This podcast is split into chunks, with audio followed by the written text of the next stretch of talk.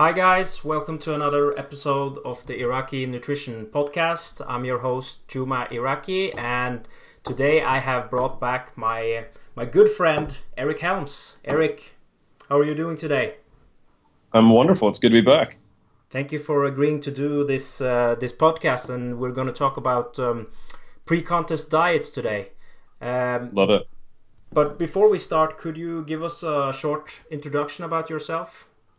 Sure. For those who didn't listen to the first time, uh, my name's Eric, and I am currently uh, the tail end, maybe the last quarter of my PhD at the Auckland University of Technology, studying strength and conditioning here in New Zealand. Uh, but I'm American. Uh, I've been here for a little over four years now. I also have a master's degree in exercise science and a master's degree in uh, sports nutrition related topic, specifically looking at manipulating macronutrients and protein in dieting strength athletes. So it'll be good to talk about that today. And I'm also one of the uh, four co-owners and one of the five coaches of 3D Muscle Journey, a uh, coaching business for drug-free athletes. Uh, and I also compete in natural bodybuilding and powerlifting myself. Excellent. Uh, have you been competing in bodybuilding lately, or has it just been powerlifting? I've taken a hiatus from competing in bodybuilding until I finish my PhD, but I am planning on getting back on stage, uh, doing my pro debut, um, probably 2018, maybe 2017, but probably not likely. Um, but I have been doing powerlifting.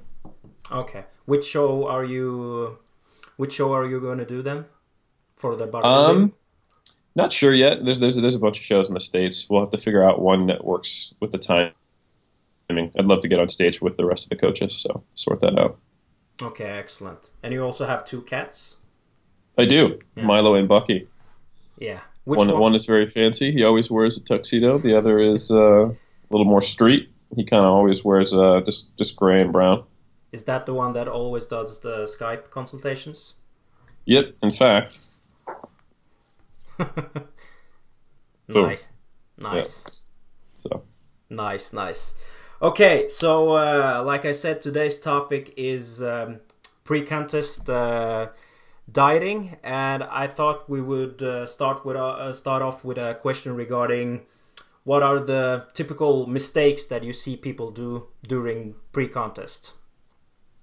Yeah, I would say probably the most typical and most uh, the, the, the mistake that has the largest consequences are that people underestimate uh, how much body fat they have to lose, and then they underestimate how much time it'll take to lose it, uh, and then that and then that that basically that initial mistake forces a bunch of other mistakes like having to cut calories too low, doing too much cardio, uh, and then taking a peak week approach, which is very kind of wishing on a star and, and hoping that some massive changes are going to happen in the last minute, to include big time depletion, cutting water, messing with electrolytes, um, and uh, and things that probably wouldn't even work even if they, they were shredded. But you know they're they're hoping on uh, on on some kind of magic formula in the end. Most people tend to be off if they're a male of a normal size by maybe five six kilos with their estimation of how much body fat they need to lose, uh, and then often they will give themselves kind of like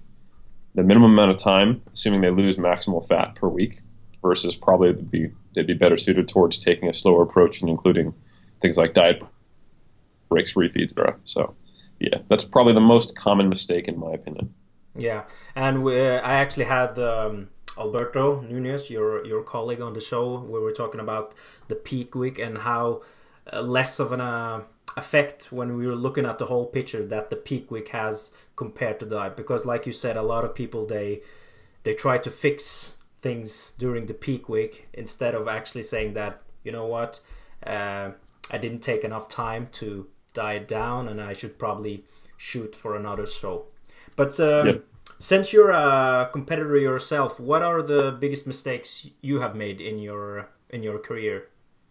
Well, that was a mistake I made my very first season, and I probably did better than most. I gave myself about 20 weeks my first season, and this we're talking 2007, so this was before people were really bought into taking longer time periods, and before people were doing, you know, diet breaks on a regular basis uh, which is still not even that common, but it's something that I'd like to think is a little more popular. Um, and so, yeah, I, I had to basically I, I, took it easy in the beginning and had to really rush it at the end, which, if anything, is kind of the opposite of what you want to do. Mm-hmm. You know, when you have higher body fat levels and you've had a lot less uh, adaptation, adaptations to dieting, you know, it's much easier to, to sustain a higher deficit. And, uh, you know, I was still doing things like once a week having a, a meal out and not counting it and um, just kind of feeling like, oh, I've got 20 weeks, that's forever. So the first four, five, six weeks, um, you know, I, I was uh, a little more lax. And then in the end, I was just adding cardio or cutting calories on a weekly basis, just trying to play catch up. Um, and uh, so, yeah, that that was that was probably my biggest mistake. I also was just very uncertain in general. Um, like I did a lot of things that I thought might be bullshit, but I did them anyway, just just kind of in case. So I remember I, I didn't com- combine carbs and fats to a very high degree. I try to keep my fat low and high carb meals, and, and vice versa, because maybe insulin is a problem. I don't know. I'm I'm, I'm young and, and not very uh, educated, uh, and I was eating every two and a half to three hours, um, and I was having a high high meal frequency for hopefully the benefits of, uh, energy expenditure. So um, so yeah, there's a few kind of kind of broy things going on there. I also was just making poor decisions in terms of um, food selection. Like I was having, like I, I cut protein bars in half to hit my macro sometimes, or or have like uh, drink some calories, and, and I found that I was just really really hungry in 2007 for probably a lot of reasons, but that didn't help. So yeah, yeah. And how, uh, like these mistakes that you've made, what have you learned from? How have your approach changed during those during the the last couple of years? Yeah, well, a big thing I learned is that the, the consequences to those mistakes um, they may show up while you're dieting, or the consequences may happen afterwards. Uh, so for me personally, um, I had a huge rebound weight gain and struggled with uh, binge eating for almost two months post competition, um, my first season. Uh, so that was that was kind of one of the things that actually motivated me to um, start forming some type of coaching service and some type of information service. It was kind of the seeds of 3D Muscle Journey from my side of it, uh, in that we wanted to provide, um, you know, help to other athletes to help them avoid that, you know, that pain, really that, that lack of happiness and, and fulfillment in competing. Um, so yeah, I think some of the things that I've learned and I've changed now are simply taking more time, um, taking as as as as a, a much more moderate approach in terms of um, the way I think about the diet in and of itself, and um, trying to be more targeted um, instead of micromanaging every single detail. It's finding out what details do make a difference, focusing on them, and then trying to really get my mind on something else uh, when I'm not in the gym or in the kitchen. Um, so I think a lot of it has been mental, mm-hmm. but it has been you know facilitated by um, by having appropriate targets. I guess you could say. Excellent. Uh, so, what what were your cravings for, for when you binged it for two months? Oh man, Ben and Jerry's. And everything, everything, everything. Because I uh, I had such a limited amount of food that I allowed myself to eat uh, during the prep. I think I was eating sweet potatoes, brown rice, uh, tuna, um, chicken, whey protein, almond butter, and broccoli and nuts, and that was maybe it. Like I so I mean anything that wasn't on that list, I had a craving for. You name it. Yeah. So I mean, Chipotle Chinese food, pizza, uh, ice cream. Um, I mean, I, I, literally ate myself into like, you know, terrible body composition. I got I got from I was uh, 80 kgs on stage, right around there ish, maybe 81, um, maybe seven or eight percent body fat, and then uh, by the time two months later, I was 100 and 103, 102, 103 at like 23% body fat or something like that. Oh, wow. Yeah. So yeah, it was uh, it was a rapid rise in in, in body fat very yeah. quickly. Yeah, that was a huge gain in in two months. But mm-hmm. I think I think a lot of people that do compete in bodybuilding once in their career has done maybe they're not that extreme, but something similar to that. I've also seen worse, believe it or not. Yeah. Um, so I, am certainly on the tail end of how bad it can be. My personal experience, but I've definitely seen worse. Yeah. So when when you work with um, when you work with clients, like how do you determine how many weeks you'll have to spend during the pre-contest? Do you go by by body fat percentage, the the, the pictures? Uh, do you have like uh, you add a couple of weeks extra in case things turn up uh, during the pre-contest? What's your approach to it? So ideally, uh, the way it works is someone contacts us in the off season, uh, well in advance of, of, when they want to compete. Um, and part of our goal of consulting together in the off season, this is 3DMJ wide, um, is determining how well uh, they respond to, you know, slow surplus in the off season, and then the, the mini cuts, um, getting a diet history from them, and also helping them get to a body fat level that's appropriate for starting a diet. Um, so you know that they're they're more like 20 or 10 kilos over, uh, 10 kilos over stage weight if they're uh, you know like a middleweight male kind of size, so that uh, it doesn't have to be this long drawn out thing. Um, most people need between say on average if things are going right, I would say five to seven months if you really want to have a well balanced approach that um, also can can you know you can take your foot off the gas and take a diet break sometime um, and uh, ensures that you're maintaining a lot of muscle mass and uh, and performance, and, and, most importantly, sanity. Um, some people can get away with, with less, not not very often, but uh, especially when we're talking like bodybuilding divisions where you have to be very lean, that could be four to five months. Uh, some people need more. I have a very tough time uh, getting into true stage condition um, without really, really just crashing my calories. So it takes me more like eight months personally. Um, so yeah, typically the way it works is someone contacts us maybe a year out from their show. Not that we're going to start dieting a year out, um, and we'll get on Skype, talk about their goals, get get their diet history. They've already completed an application, uh, which is going to have uh, their entire history. Um, this also gets looked at by our in-house RD, who we've recently added to the team, Steve Taylor, um, and just to make sure that everything makes sense from on the clinical side of it, uh, based on the information that, that we get from them. Uh, so we know what they've done in the past, how lean they've gotten, um, their dietary history as a, you know even even before they started competing, um, and then we also use pictures. That's our primary thing: is current pictures and pictures of the last time they got on stage, if they did compete um, prior, and uh, then we formulate a number of off-season Skypes with them to try to work their nutrition and their body comp to a place where, where, where is ideal for starting prep, along with their mindset. Uh, you know, wanting someone motivated, not burned out at the start of a prep with calories as high as they can be and uh, body fat at a reasonable level, uh, then ideally, uh, you know, you can start a prep in that five to seven months out period. And if everything goes well, the end of the diet is not necessarily cutting, cutting, cutting, but actually increasing calories into the show, uh, which is, you know, maybe happens half or less than half the time, but when it can happen, it's a very powerful tool for making sure you bring your best to the stage but you've got to get ready early to do that. Yeah, excellent. Uh, in regards to nutrition, you did a review paper with uh, with Alan Aragon regarding nutrition recommendations for for uh, natural bodybuilders during pre-contest. Could you just give us the um, the key key findings that uh, you found in during during the review? Yeah, the rundown. So myself, uh, Alan Aragon, and Peter Fitschen. Um, and those who don't know who those guys are, A, shame on you, but B, really excellent stuff. You, you, want to consume everything they've ever put out. Alan Aragon has a fantastic research review. He's coached bodybuilders to the stage successfully.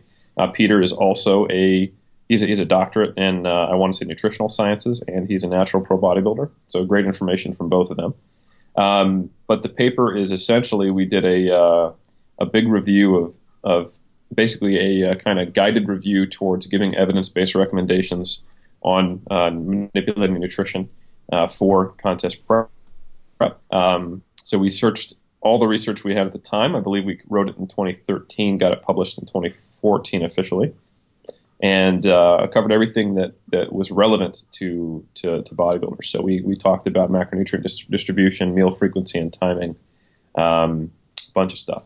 Uh, so uh, probably the main findings that we, we would we, we put out there were uh, losing weight at a target of 0.5 to 1% of your body weight per week. Uh, this allows a you know good macronutrient distribution. It allows adequate calories. It allows training to occur effectively. Um, it allows basically all the things that a taking too short of a diet uh, forces you into into making you know decisions that aren't going to be useful for you. Um, and we recommend following the the higher rate of weight loss earlier in the prep when you have more body fat to lose and closer to that 0.5 percent per week um, as you are leaner and leaner and leaner. Um, so that's that's a huge one. So that kind of dictates your calorie intake based on the rough 3,500 calorie per pound of body fat rule.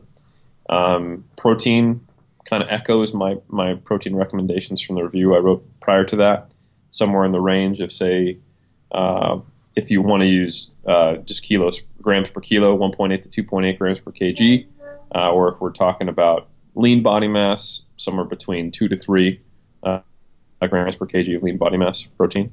Um, then setting fat up around uh, minimum 15% of calories uh, up to say 25 30% based on you know other research and other reviews and then remaining calories from carbohydrate uh, i would also put forth that you probably want to have some functional minimums there based on body weight so like don't go below uh, 0.5 grams per kg of fat uh, unless it's for very very short periods and you have a concerted effort that you need to do and then you're going to bring it back up uh, same thing with carbohydrates but around probably one gram per kg um, we reviewed a lot of things. Like we talked about uh, how little research there is on uh, ketogenic dieting in bodybuilders, um, and while it you know may be okay in, in certain populations, it probably doesn't match up very well with um, the demands of contest prep and and, uh, and getting to very very lean levels and maintaining performance. Um, but we said you know we need more research to really confirm that. Um, we also talked about meal frequency and timing. Uh, and so somewhere between the range of you know three to six meals per day is probably going to uh, maximize any benefit to uh, protein distribution and also uh, avoid any issues with satiety. Um, on either side of it, eating too frequently, you have these very small meals all the time, which tends to um, you know stimulate hunger rather than, than, than satisfy it. And if you have very few meals, not in everyone, but some people will find that uh, going very long periods between meals is a problem.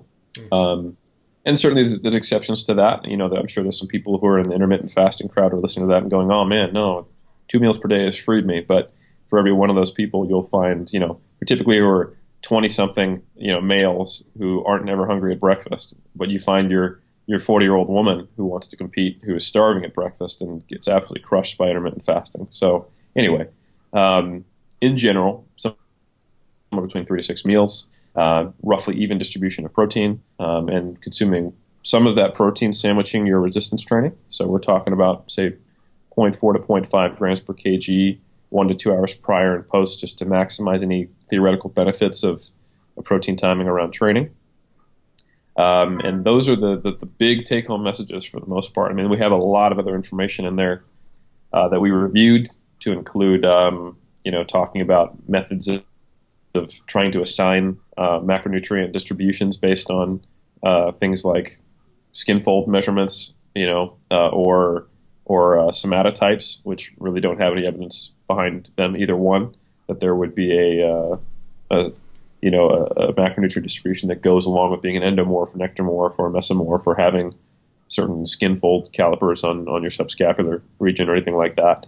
Um, so a lot of that's going to come down to personal preference, and it could potentially be modified by, you know, insulin sensitivity or resistance. But in most competitors, they're they're not going to be insulin resistant. So, um, so yeah. So I think you know personal preference and adherence is a, is a big piece of it. Mm-hmm. Um, and one thing we touched on, but probably could have talked more about, are the uh, the TDEE uh, adaptations to dieting and how variable that can be and how it goes down, and then the different compartments and components of it, uh, whether it is actually your BMR going down or is it your uh, NEAT and to how much and to what degree and what pattern does it follow. Um, so that was touched on, but not um, not it wasn't didn't contain a big section of the review. But yeah. yeah. Did you touch up on uh, supplements that would be beneficial during the pre-contest diet as well? Yes, we did. We talked about uh, yeah peak week. We talked about supplements, and we also talked about uh, behavioral stuff uh, as, as, they relate to food. So for for supplements, and we would probably update this now. I would say um, we primarily recommended uh, that things that had evidence basis that would be beneficial for bodybuilders. Um, creatine monohydrate, um, and we also recommended caffeine. Um, you know, and we, we talked about how the effects are. Well, this is actually wasn't discussed in the review, but a good thing to remember is that caffeine can suppress tiredness and it also can potentially enhance performance, but it actually takes a pretty high dosage. You know, we're talking four to six milligrams per kg before we're enhancing potential like anaerobic or strength performance, and that's quite high. Mm-hmm. You know, um, and uh, that with tolerance, that suppression of tiredness seems to fade. Uh, so you kind of have to think about that as a contest prep dieter. Is would you rather, um, or sorry, with with tolerance, the performance enhancing effect fades. So you have to think about it. Do you want to take your caffeine intermittently for very hard workouts to try to improve performance, or would you rather take kind of like a, a, a, regular dose, like most humans do, uh, or most adults do in Western society? Um, not even Western society, many societies who want to just not feel as tired, which gets worse during prep. So, uh, decision to make there. Um, we also recommended beta alanine, but also talked about how, for the most part, it seems to be effective in that 60 to 240 second range, which, when you really think about it, uh, is not much resistance training. And uh, a recent meta-analysis that came out after we wrote that paper uh, basically had a conclusion. You know, beta beta alanine doesn't do too much. And um, so, for the most part, I think uh, I would probably agree with that statement. And more research has also come out on citrulline malate, which we were rather nebulous with. We kind of said, hey, you know, it needs more research. Well, actually, a tremendous amount of research has been done in the last two years uh, since we wrote that.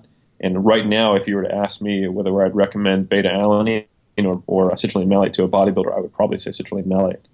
Um, as it seems to have uh, clear effects in uh, probably three or four studies I've seen uh, on resistance training outcomes in terms of like total volume that one produces, even when resting like three minutes uh, on leg and upper body training. Some recent studies I've seen. So uh, the supplement stuff, it, that's probably what will need to be updated the most on a regular basis if you were to write a updated version of that article. Um, we also talked about um, branched chain amino acids being probably the most frequently used, but one of the not so supported supplements out there that doesn't have a lot of good data behind it. Um, and we talked about other forms of creatine, uh, which have been investigated, which typically fall short of creatine monohydrate. Um, and we also talked about um, blanking. Oh yeah, multivitamin use, which um, hasn't been directly studied in this population, but we've got a couple meta-analyses that show no harmful effect and even a potential small benefit for overall mortality. So we know they're safe, and we also know that people who diet, especially bodybuilders from older surveys, typically have micronutrient deficiencies related to either um, food selection that's very limited or just having low calories or a combination of the two. So we said, you know, more research is needed, but it wouldn't be a bad idea to perhaps have a, a low dose multivitamin as kind of a safety net. Yeah. Excellent. And regarding the the caffeine dosage that you were talking about, uh, I've seen a couple of these um, soccer teams now. They actually take caffeine during the um, halftime, and mm. they take it in a form of uh, chewing gum. So they put four to five pieces of these huge chewing, uh, chewing gums in their mouth. So it gives four to five hundred milligrams of caffeine because each Ooh. gum has 100 and uh, some of the one of the coaches told me that uh, a lot of the guys really feel the benefit, but they really struggle to chew so many pieces. But it gets absorbed uh, absorbed rapidly, so mm-hmm. they don't have to chew chew a lot from it. Wow. Yeah. Yeah, that's. Uh, I, I would imagine that going to sleep that night would be hard for them.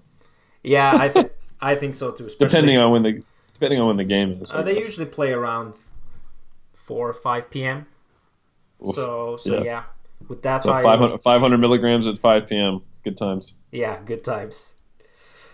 Uh, you also wrote um, review paper regarding training and and cardio as well, and uh, this is a topic I wanted to um, to go a bit uh, deep into because usually you see these typical bodybuilding protocols where you you use compound movements in the off season, you lift heavy weights, but as soon as pre-contest starts, you switch over to isolation movements and and high reps. Could you just touch a bit upon why people? What's yeah. the theory behind it, and what's your recommendation for um, training? Sure. Yeah, yeah. So uh, we also wrote a companion paper that was uh, published in a different journal, and who uh, Brad Schoenfeld also was on, uh, based on how to do your resistance training uh, for for contest prep as well. Uh, so yeah, the theory of, of what has been traditionally done, where you will typically see volume go up, rep range go up, and even the choice of exercises changed to more isolation work. Um, the theory is is that doing high reps um, makes muscle look leaner or helps you lose fat. Um, and I wouldn't say it's completely false, uh, because you could make an argument that perhaps this is more glycogen depleting, which maybe drives up fat oxidation.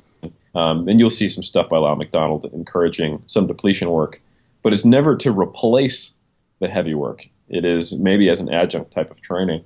Um, and even though you know there's some some good theory behind it, I would say that it doesn't have really any any empirical data backing it of actually comparing you know two groups doing two different types of training and seeing whether one loses more fat uh, that I'm aware of. Um, and I personally think, and from the efforts uh, uh, that I put out and seen with my athletes, that it's uh, that when you're in the weight room, it's not fat burning time; it's it's muscle retention time. Or even at the beginning of prep, potentially even still trying to, to gain a, a very small amount. I think what typically happens is over the course of a prep, you're either in you know you're maintaining or slightly gaining at the beginning, and then once you get to very low levels of body fat and much low, lower levels of food and higher levels of cardio, that becomes a, a losing battle. Uh, but the net change over time does matter.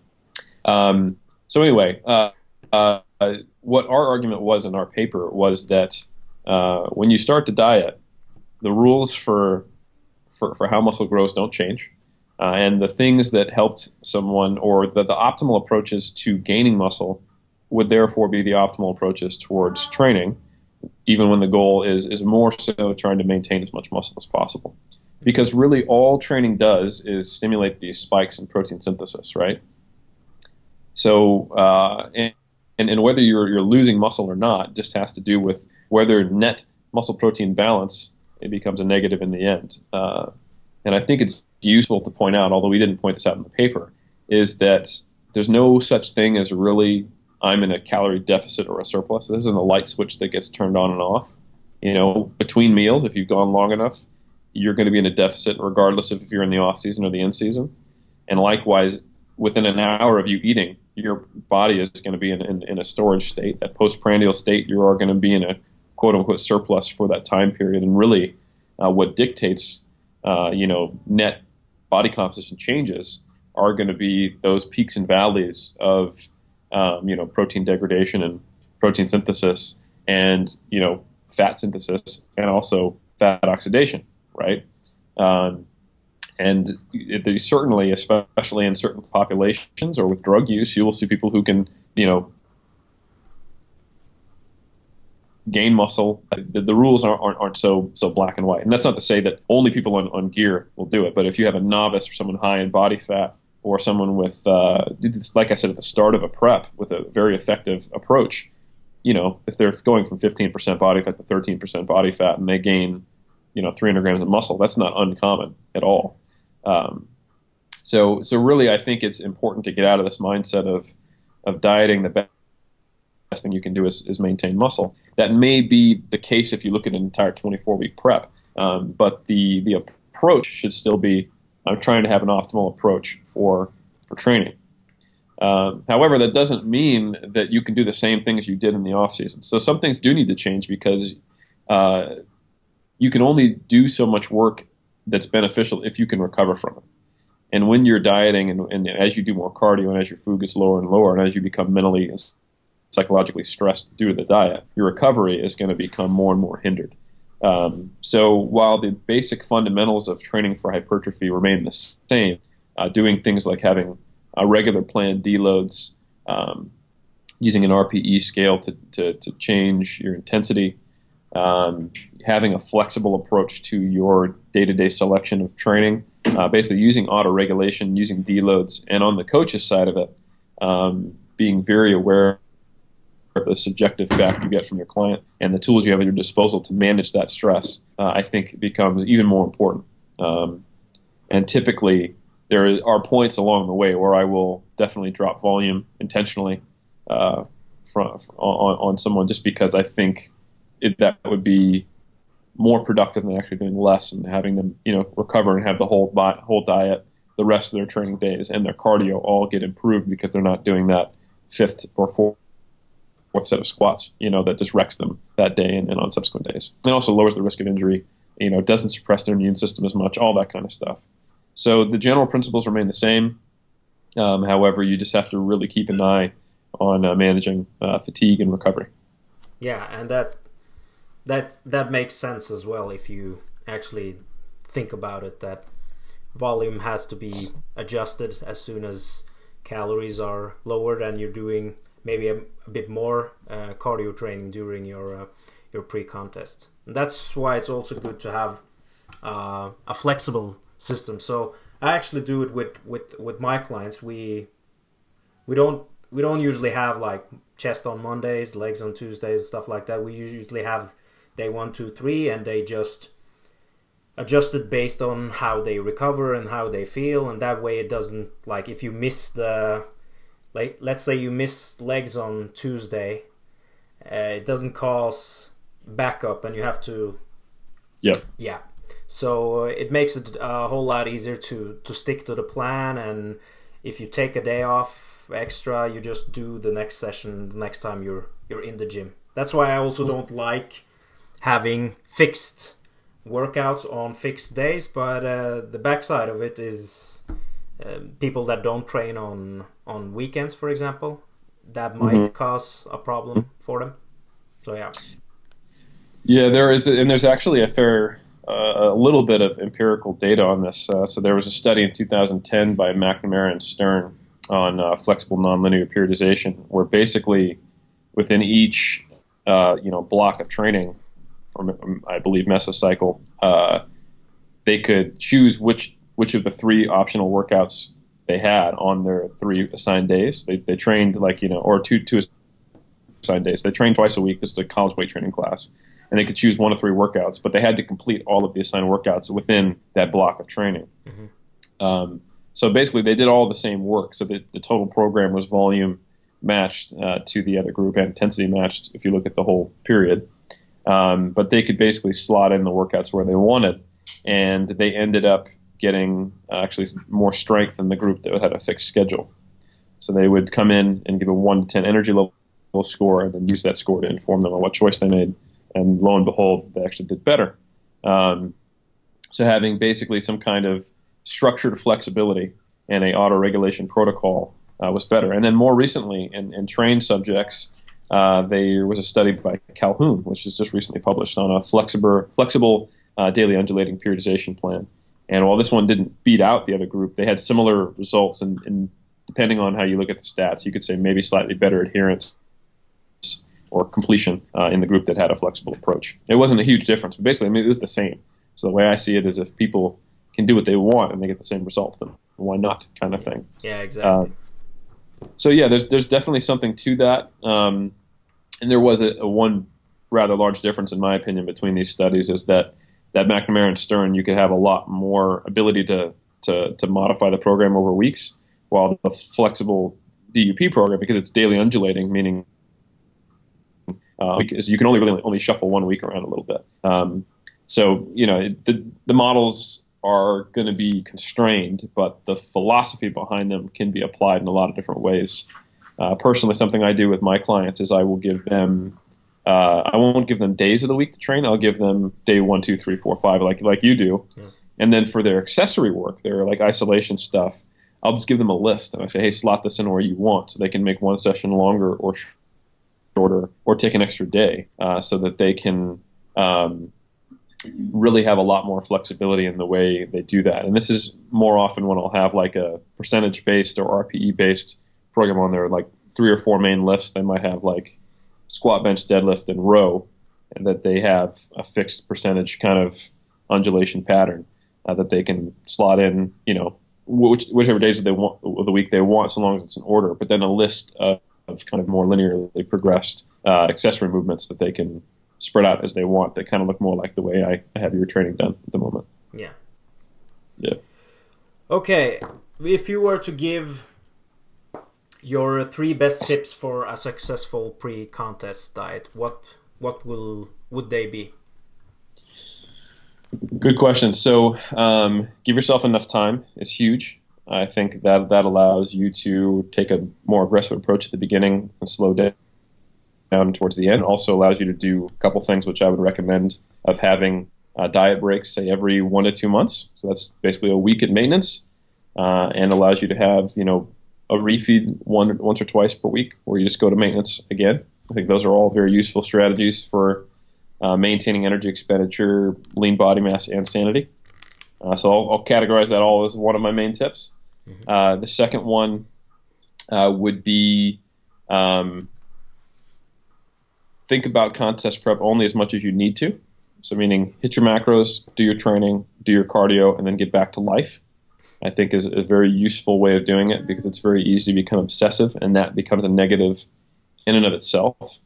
Um, and then, thirdly, as far as training, have a structured training approach similar to what you do in the off season. That you know, with an evidence based approach, and then do more things to uh, ensure recovery. And don't get in the mindset of like, oh, if I do a deload while I'm in a deficit, oh, it's just going to be all the muscle is going to lose. Like, no, you really have to think about fatigue management. So maybe that's a regular deload every fourth week, no matter what, even if you're feeling pretty good, just to make sure that you're you're, you're erring on the side of, of recovery.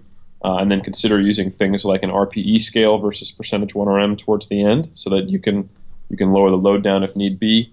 Um, and uh, if you think of your volume along a spectrum, of what's appropriate. Probably keep it on the lower end of the spectrum, especially when you get into the last, say, third of your your diet. Excellent advice. Okay, Rick. Final uh, final question. This is a topic that I'm um, that I'm really interested in, and where there isn't a whole lot of research on this mm. topic. Um, let's let's first talk about what are the um, negative effects of gaining too much weight fast after you've done with your pre-contest diet? Ah, I think the main negative is that uh, it's it's really psychologically stressful. Mm-hmm. Um, you know the and and this so much so that it has prompted a whole lot of debate and a lot of different approaches to what do you do post post contest. You know, uh, the reverse diet is, is something that has been popularized and is, is is basically the thought is how do we manage uh, this period because it's very common to see people experience what I experienced, where you put on, you know, 20 kgs of body weight, 22 kgs of body weight, and it's 90% fat. Mm-hmm. Um, so at the end of a contest prep, you are in a place uh, where you are very close to maximally down regulating your energy expenditure. Um, you've lost a fair amount of lean body mass, or just a certain a certain amount. You've lost some. Uh, you're not you're not going to be at your biggest compared to when you're in the off season, um, and you are very very stressed, uh, and you're very very hungry. Uh, so all of that together can result in seeing your body composition fade into oblivion very quickly, um, which can be psychologically damaging. So it's very easy after having this intense focus on on getting to the stage and having a six month uh, period where you're just grinding, grinding, grinding, everything's pushing towards getting on the stage to then going, now what? You get this very normal kind of post contest prep uh, blues, empty nest syndrome of not necessarily having a con- concrete goal. And that also takes the handcuffs off you. You know, for most bodybuilders, they're able to prevent uh, binges for the most part that are at least you know to the point that they're getting in the way of their ability to get on stage because they have a goal. You know, and structured, it's clear in front of them. It, it helps them adhere so once that's taken away and they have all these hunger signals, it's so much easier to just justify eating.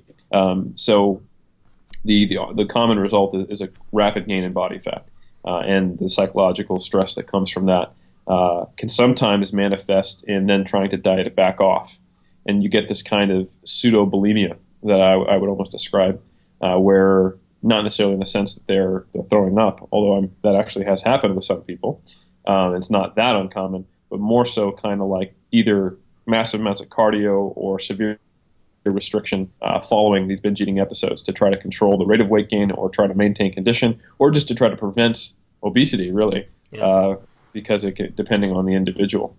Um, so there also has been postulated, and, and, I don't. This hasn't been shown in, in, in humans uh, that rapid fat gain uh, in that state uh, can result in an increase in the actual number of fat cells. So if you add a moderate amount of fat, but very very quickly, um, you know that that that could result in making it harder to diet next time. Uh, I don't think, in my view, that that plays out in the real world in bodybuilders because even before the reverse diet, uh, you'd see experienced competitors, even those who have are totally fine with with gaining all the weight back that they lost over six months and one month, or even say three to four weeks.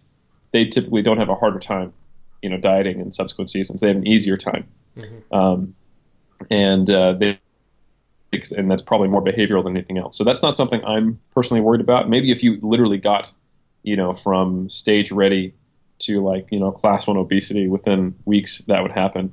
Uh, but I, I wouldn't be worried about someone getting back to like their pre-contest weight within a month or so. Uh, so anyway, the the uh, the approach that we take that we think is based on treating the person as a person rather than like like a robot uh, um, is what we call the recovery diet, where the goal is within roughly four to six weeks to be five to ten percent over stage weight. So that means if you competed at say 70 kg, you want to be between 74 to 77 uh, within about a month. So it's an intentional surplus. Uh, it's allowing that post contest meal, uh, but it's just having some kind of limit on it. Um, so we typically still give someone macronutrient, you know, you know, make them more flexible, give a broader range, allow eating out again once or twice a week, um, and but basically intentionally gain weight until they for for, ra- for a relatively uh, aggressive period, and then we start to slow it down. Uh, and the reason is that there's really no reason to be in stage condition unless you want to be on stage. Mm-hmm. Um, and in fact, being in stage condition, if you look at the, the studies we have on the case studies on bodybuilders and then the few studies we have, it's, it's a very stressful place to be in, uh, both mentally and psychologically, in terms of suppressing hormonal output, um, you know, subjective rating scores, and tiredness, things like that. And uh, mechanistically, we know that the largest thing that increases like leptin output and has all these favorable hormonal states is not the amount of food you eat, but the amount of body fat you have. So if there's no reason to be at five percent, six percent body fat, except for you know getting a trophy, and if we know that the thing that's going to help you um, recover the fastest is actually putting on body fat, then we want to intentionally put on a reasonable amount of body fat and then slow it down. So we're looking to get to someone from say six percent body fat to say ten percent body fat with relative expediency, and from that point, that's when we take that slower approach and try to mitigate fat gains. Because um, taking the much much slower approach, where you take four weeks to even come out of a deficit, you know, and then you're slowly adding calories from there. Um, even if on paper or theoretically which I actually don't agree with, that it would help you, uh, you know, maintain more muscle mass or stay leaner in the off season. That you're sacrificing maybe three to four months of time you could potentially be, be building muscle, and 90% of people aren't going to be able to adhere to that anyway. Even the most hardcore bodybuilders um, would tell you that the, the post contest period when you try to do that slow reverse approach is damn near impossible, and even they slip up once or twice. Um, so yeah, it's it's a it's it's pretty much not going to get followed as, as, it's supposed to be on paper anyway. B, I do think it actually just prolongs all the negative side effects of uh, of prep. And you know, let's say you are able to be slightly leaner in the off season by one or two percent body fat percentage points. That's going to be offset by spending three months of time not able to gain muscle, and potentially even losing muscle if you're still in deficit, yeah. uh, compared to a a uh, aggressive approach initially. So what uh, what adjustment do you first make? Do you make the like say for example you've had a, a, competitor that's been doing a lot of cardio? Is that the first adjustment you make? You Great question. So yeah. so typically if we were to kind of just do this as, as if I'm in the driver's seat, so you can kind of understand what it's like. We're two weeks out. Um, and my my they, they, they report in, and I give them the update of hey, here's your peak week. Here's what we're doing. You know, make sure you're comfortable with it. There's generally a lot of questions about that, and then they report in when they're one week out, and we go, all right, let's talk about what we're going to do post show. And this is all of this is assuming this is their last show of the season. Everything I've said up till now about this. If they had another show in four weeks, obviously you wouldn't be gaining all that weight. Yeah. So, so once they're one week out, and this is probably something we've discussed slightly before, and they wouldn't be unfamiliar with this stuff. I would start giving them their protocol for post show. So, all right, I want you to go the night. You know, you did fantastic. Uh, you know, eat what you'd like. Just make sure that you don't get to the point where you're going to throw up or you're, you know, don't get up in the middle of the night and binge. You know, enjoy yourself. Eat as much as you want, but don't be unhealthy about it, kind of thing. Uh, then on Sunday, I want you to have three square meals, but don't track them. So go out have breakfast with your, your friends and family if they're still around. Have lunch, eat what you'd like. Have dinner, eat what you'd like, and then go to bed. You know that kind of thing.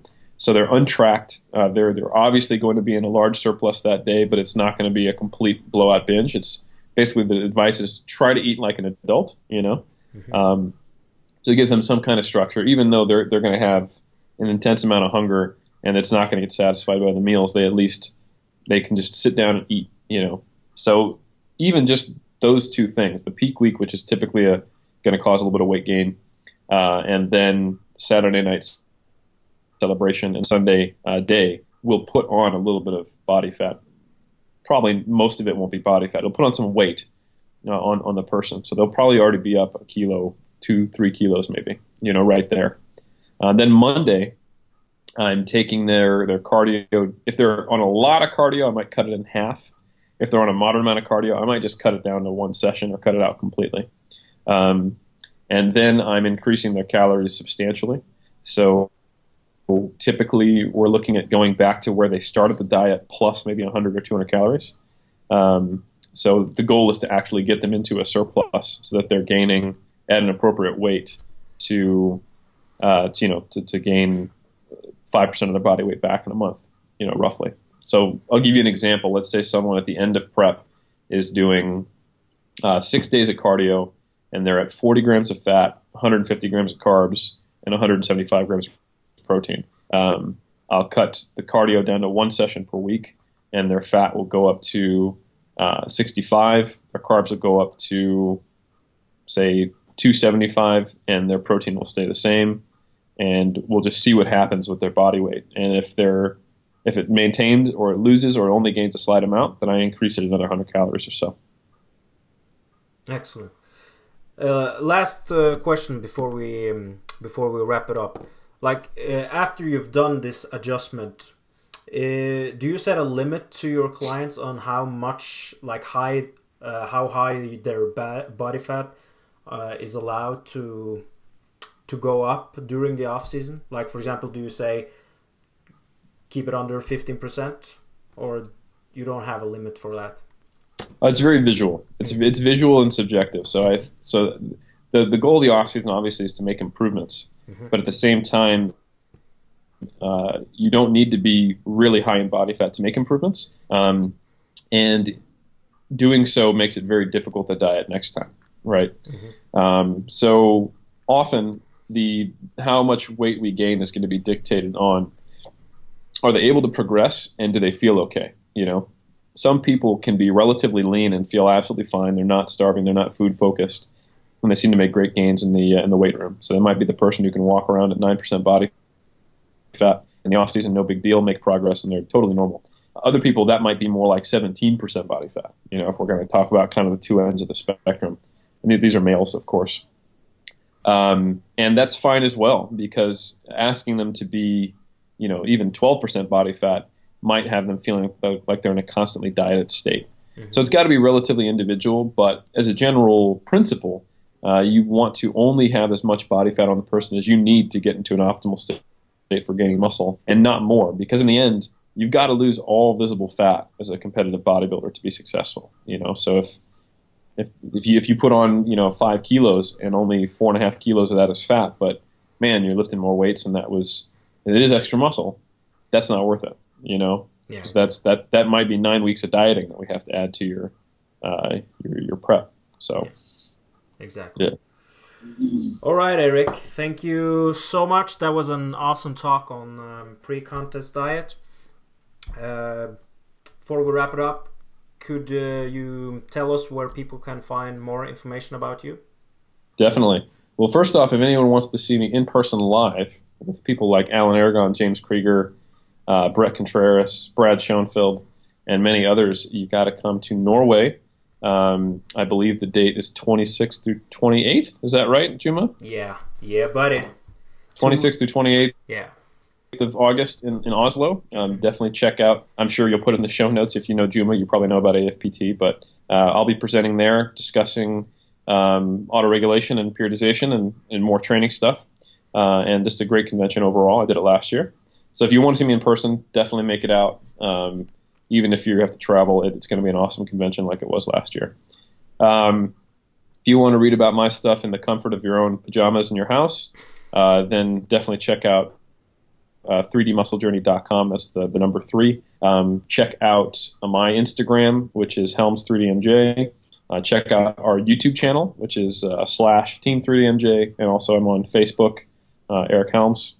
And uh, my ResearchGate is also Eric Helms. If you Google those platforms and my name, you'll find my stuff. And definitely check out my books. That is everything you could ever want to know about training and nutrition at muscleandstrengthpyramids.com. Yeah. The the for people that haven't read Eric's uh, books, I, I I highly recommend them. They're written in an easy to understand way, and it basically covers everything you need to know about training, nutrition, and supplementation. So, highly recommend the books. All right, guys, uh, this is um, Juma and Eric Helms uh, signing out. Uh, this podcast will be available on YouTube in as a video, but you can also watch it on iTunes in audio format. All right, Eric, thank you so much uh, once again, and I'll see you in I think it's 15 days. We'll see each other. Something crazy like that. Thank yeah. you for having me on. Always yeah. an honor, man. Yeah, thank you so much, and I'll see you soon, Eric. All right, brother. Okay, bye bye.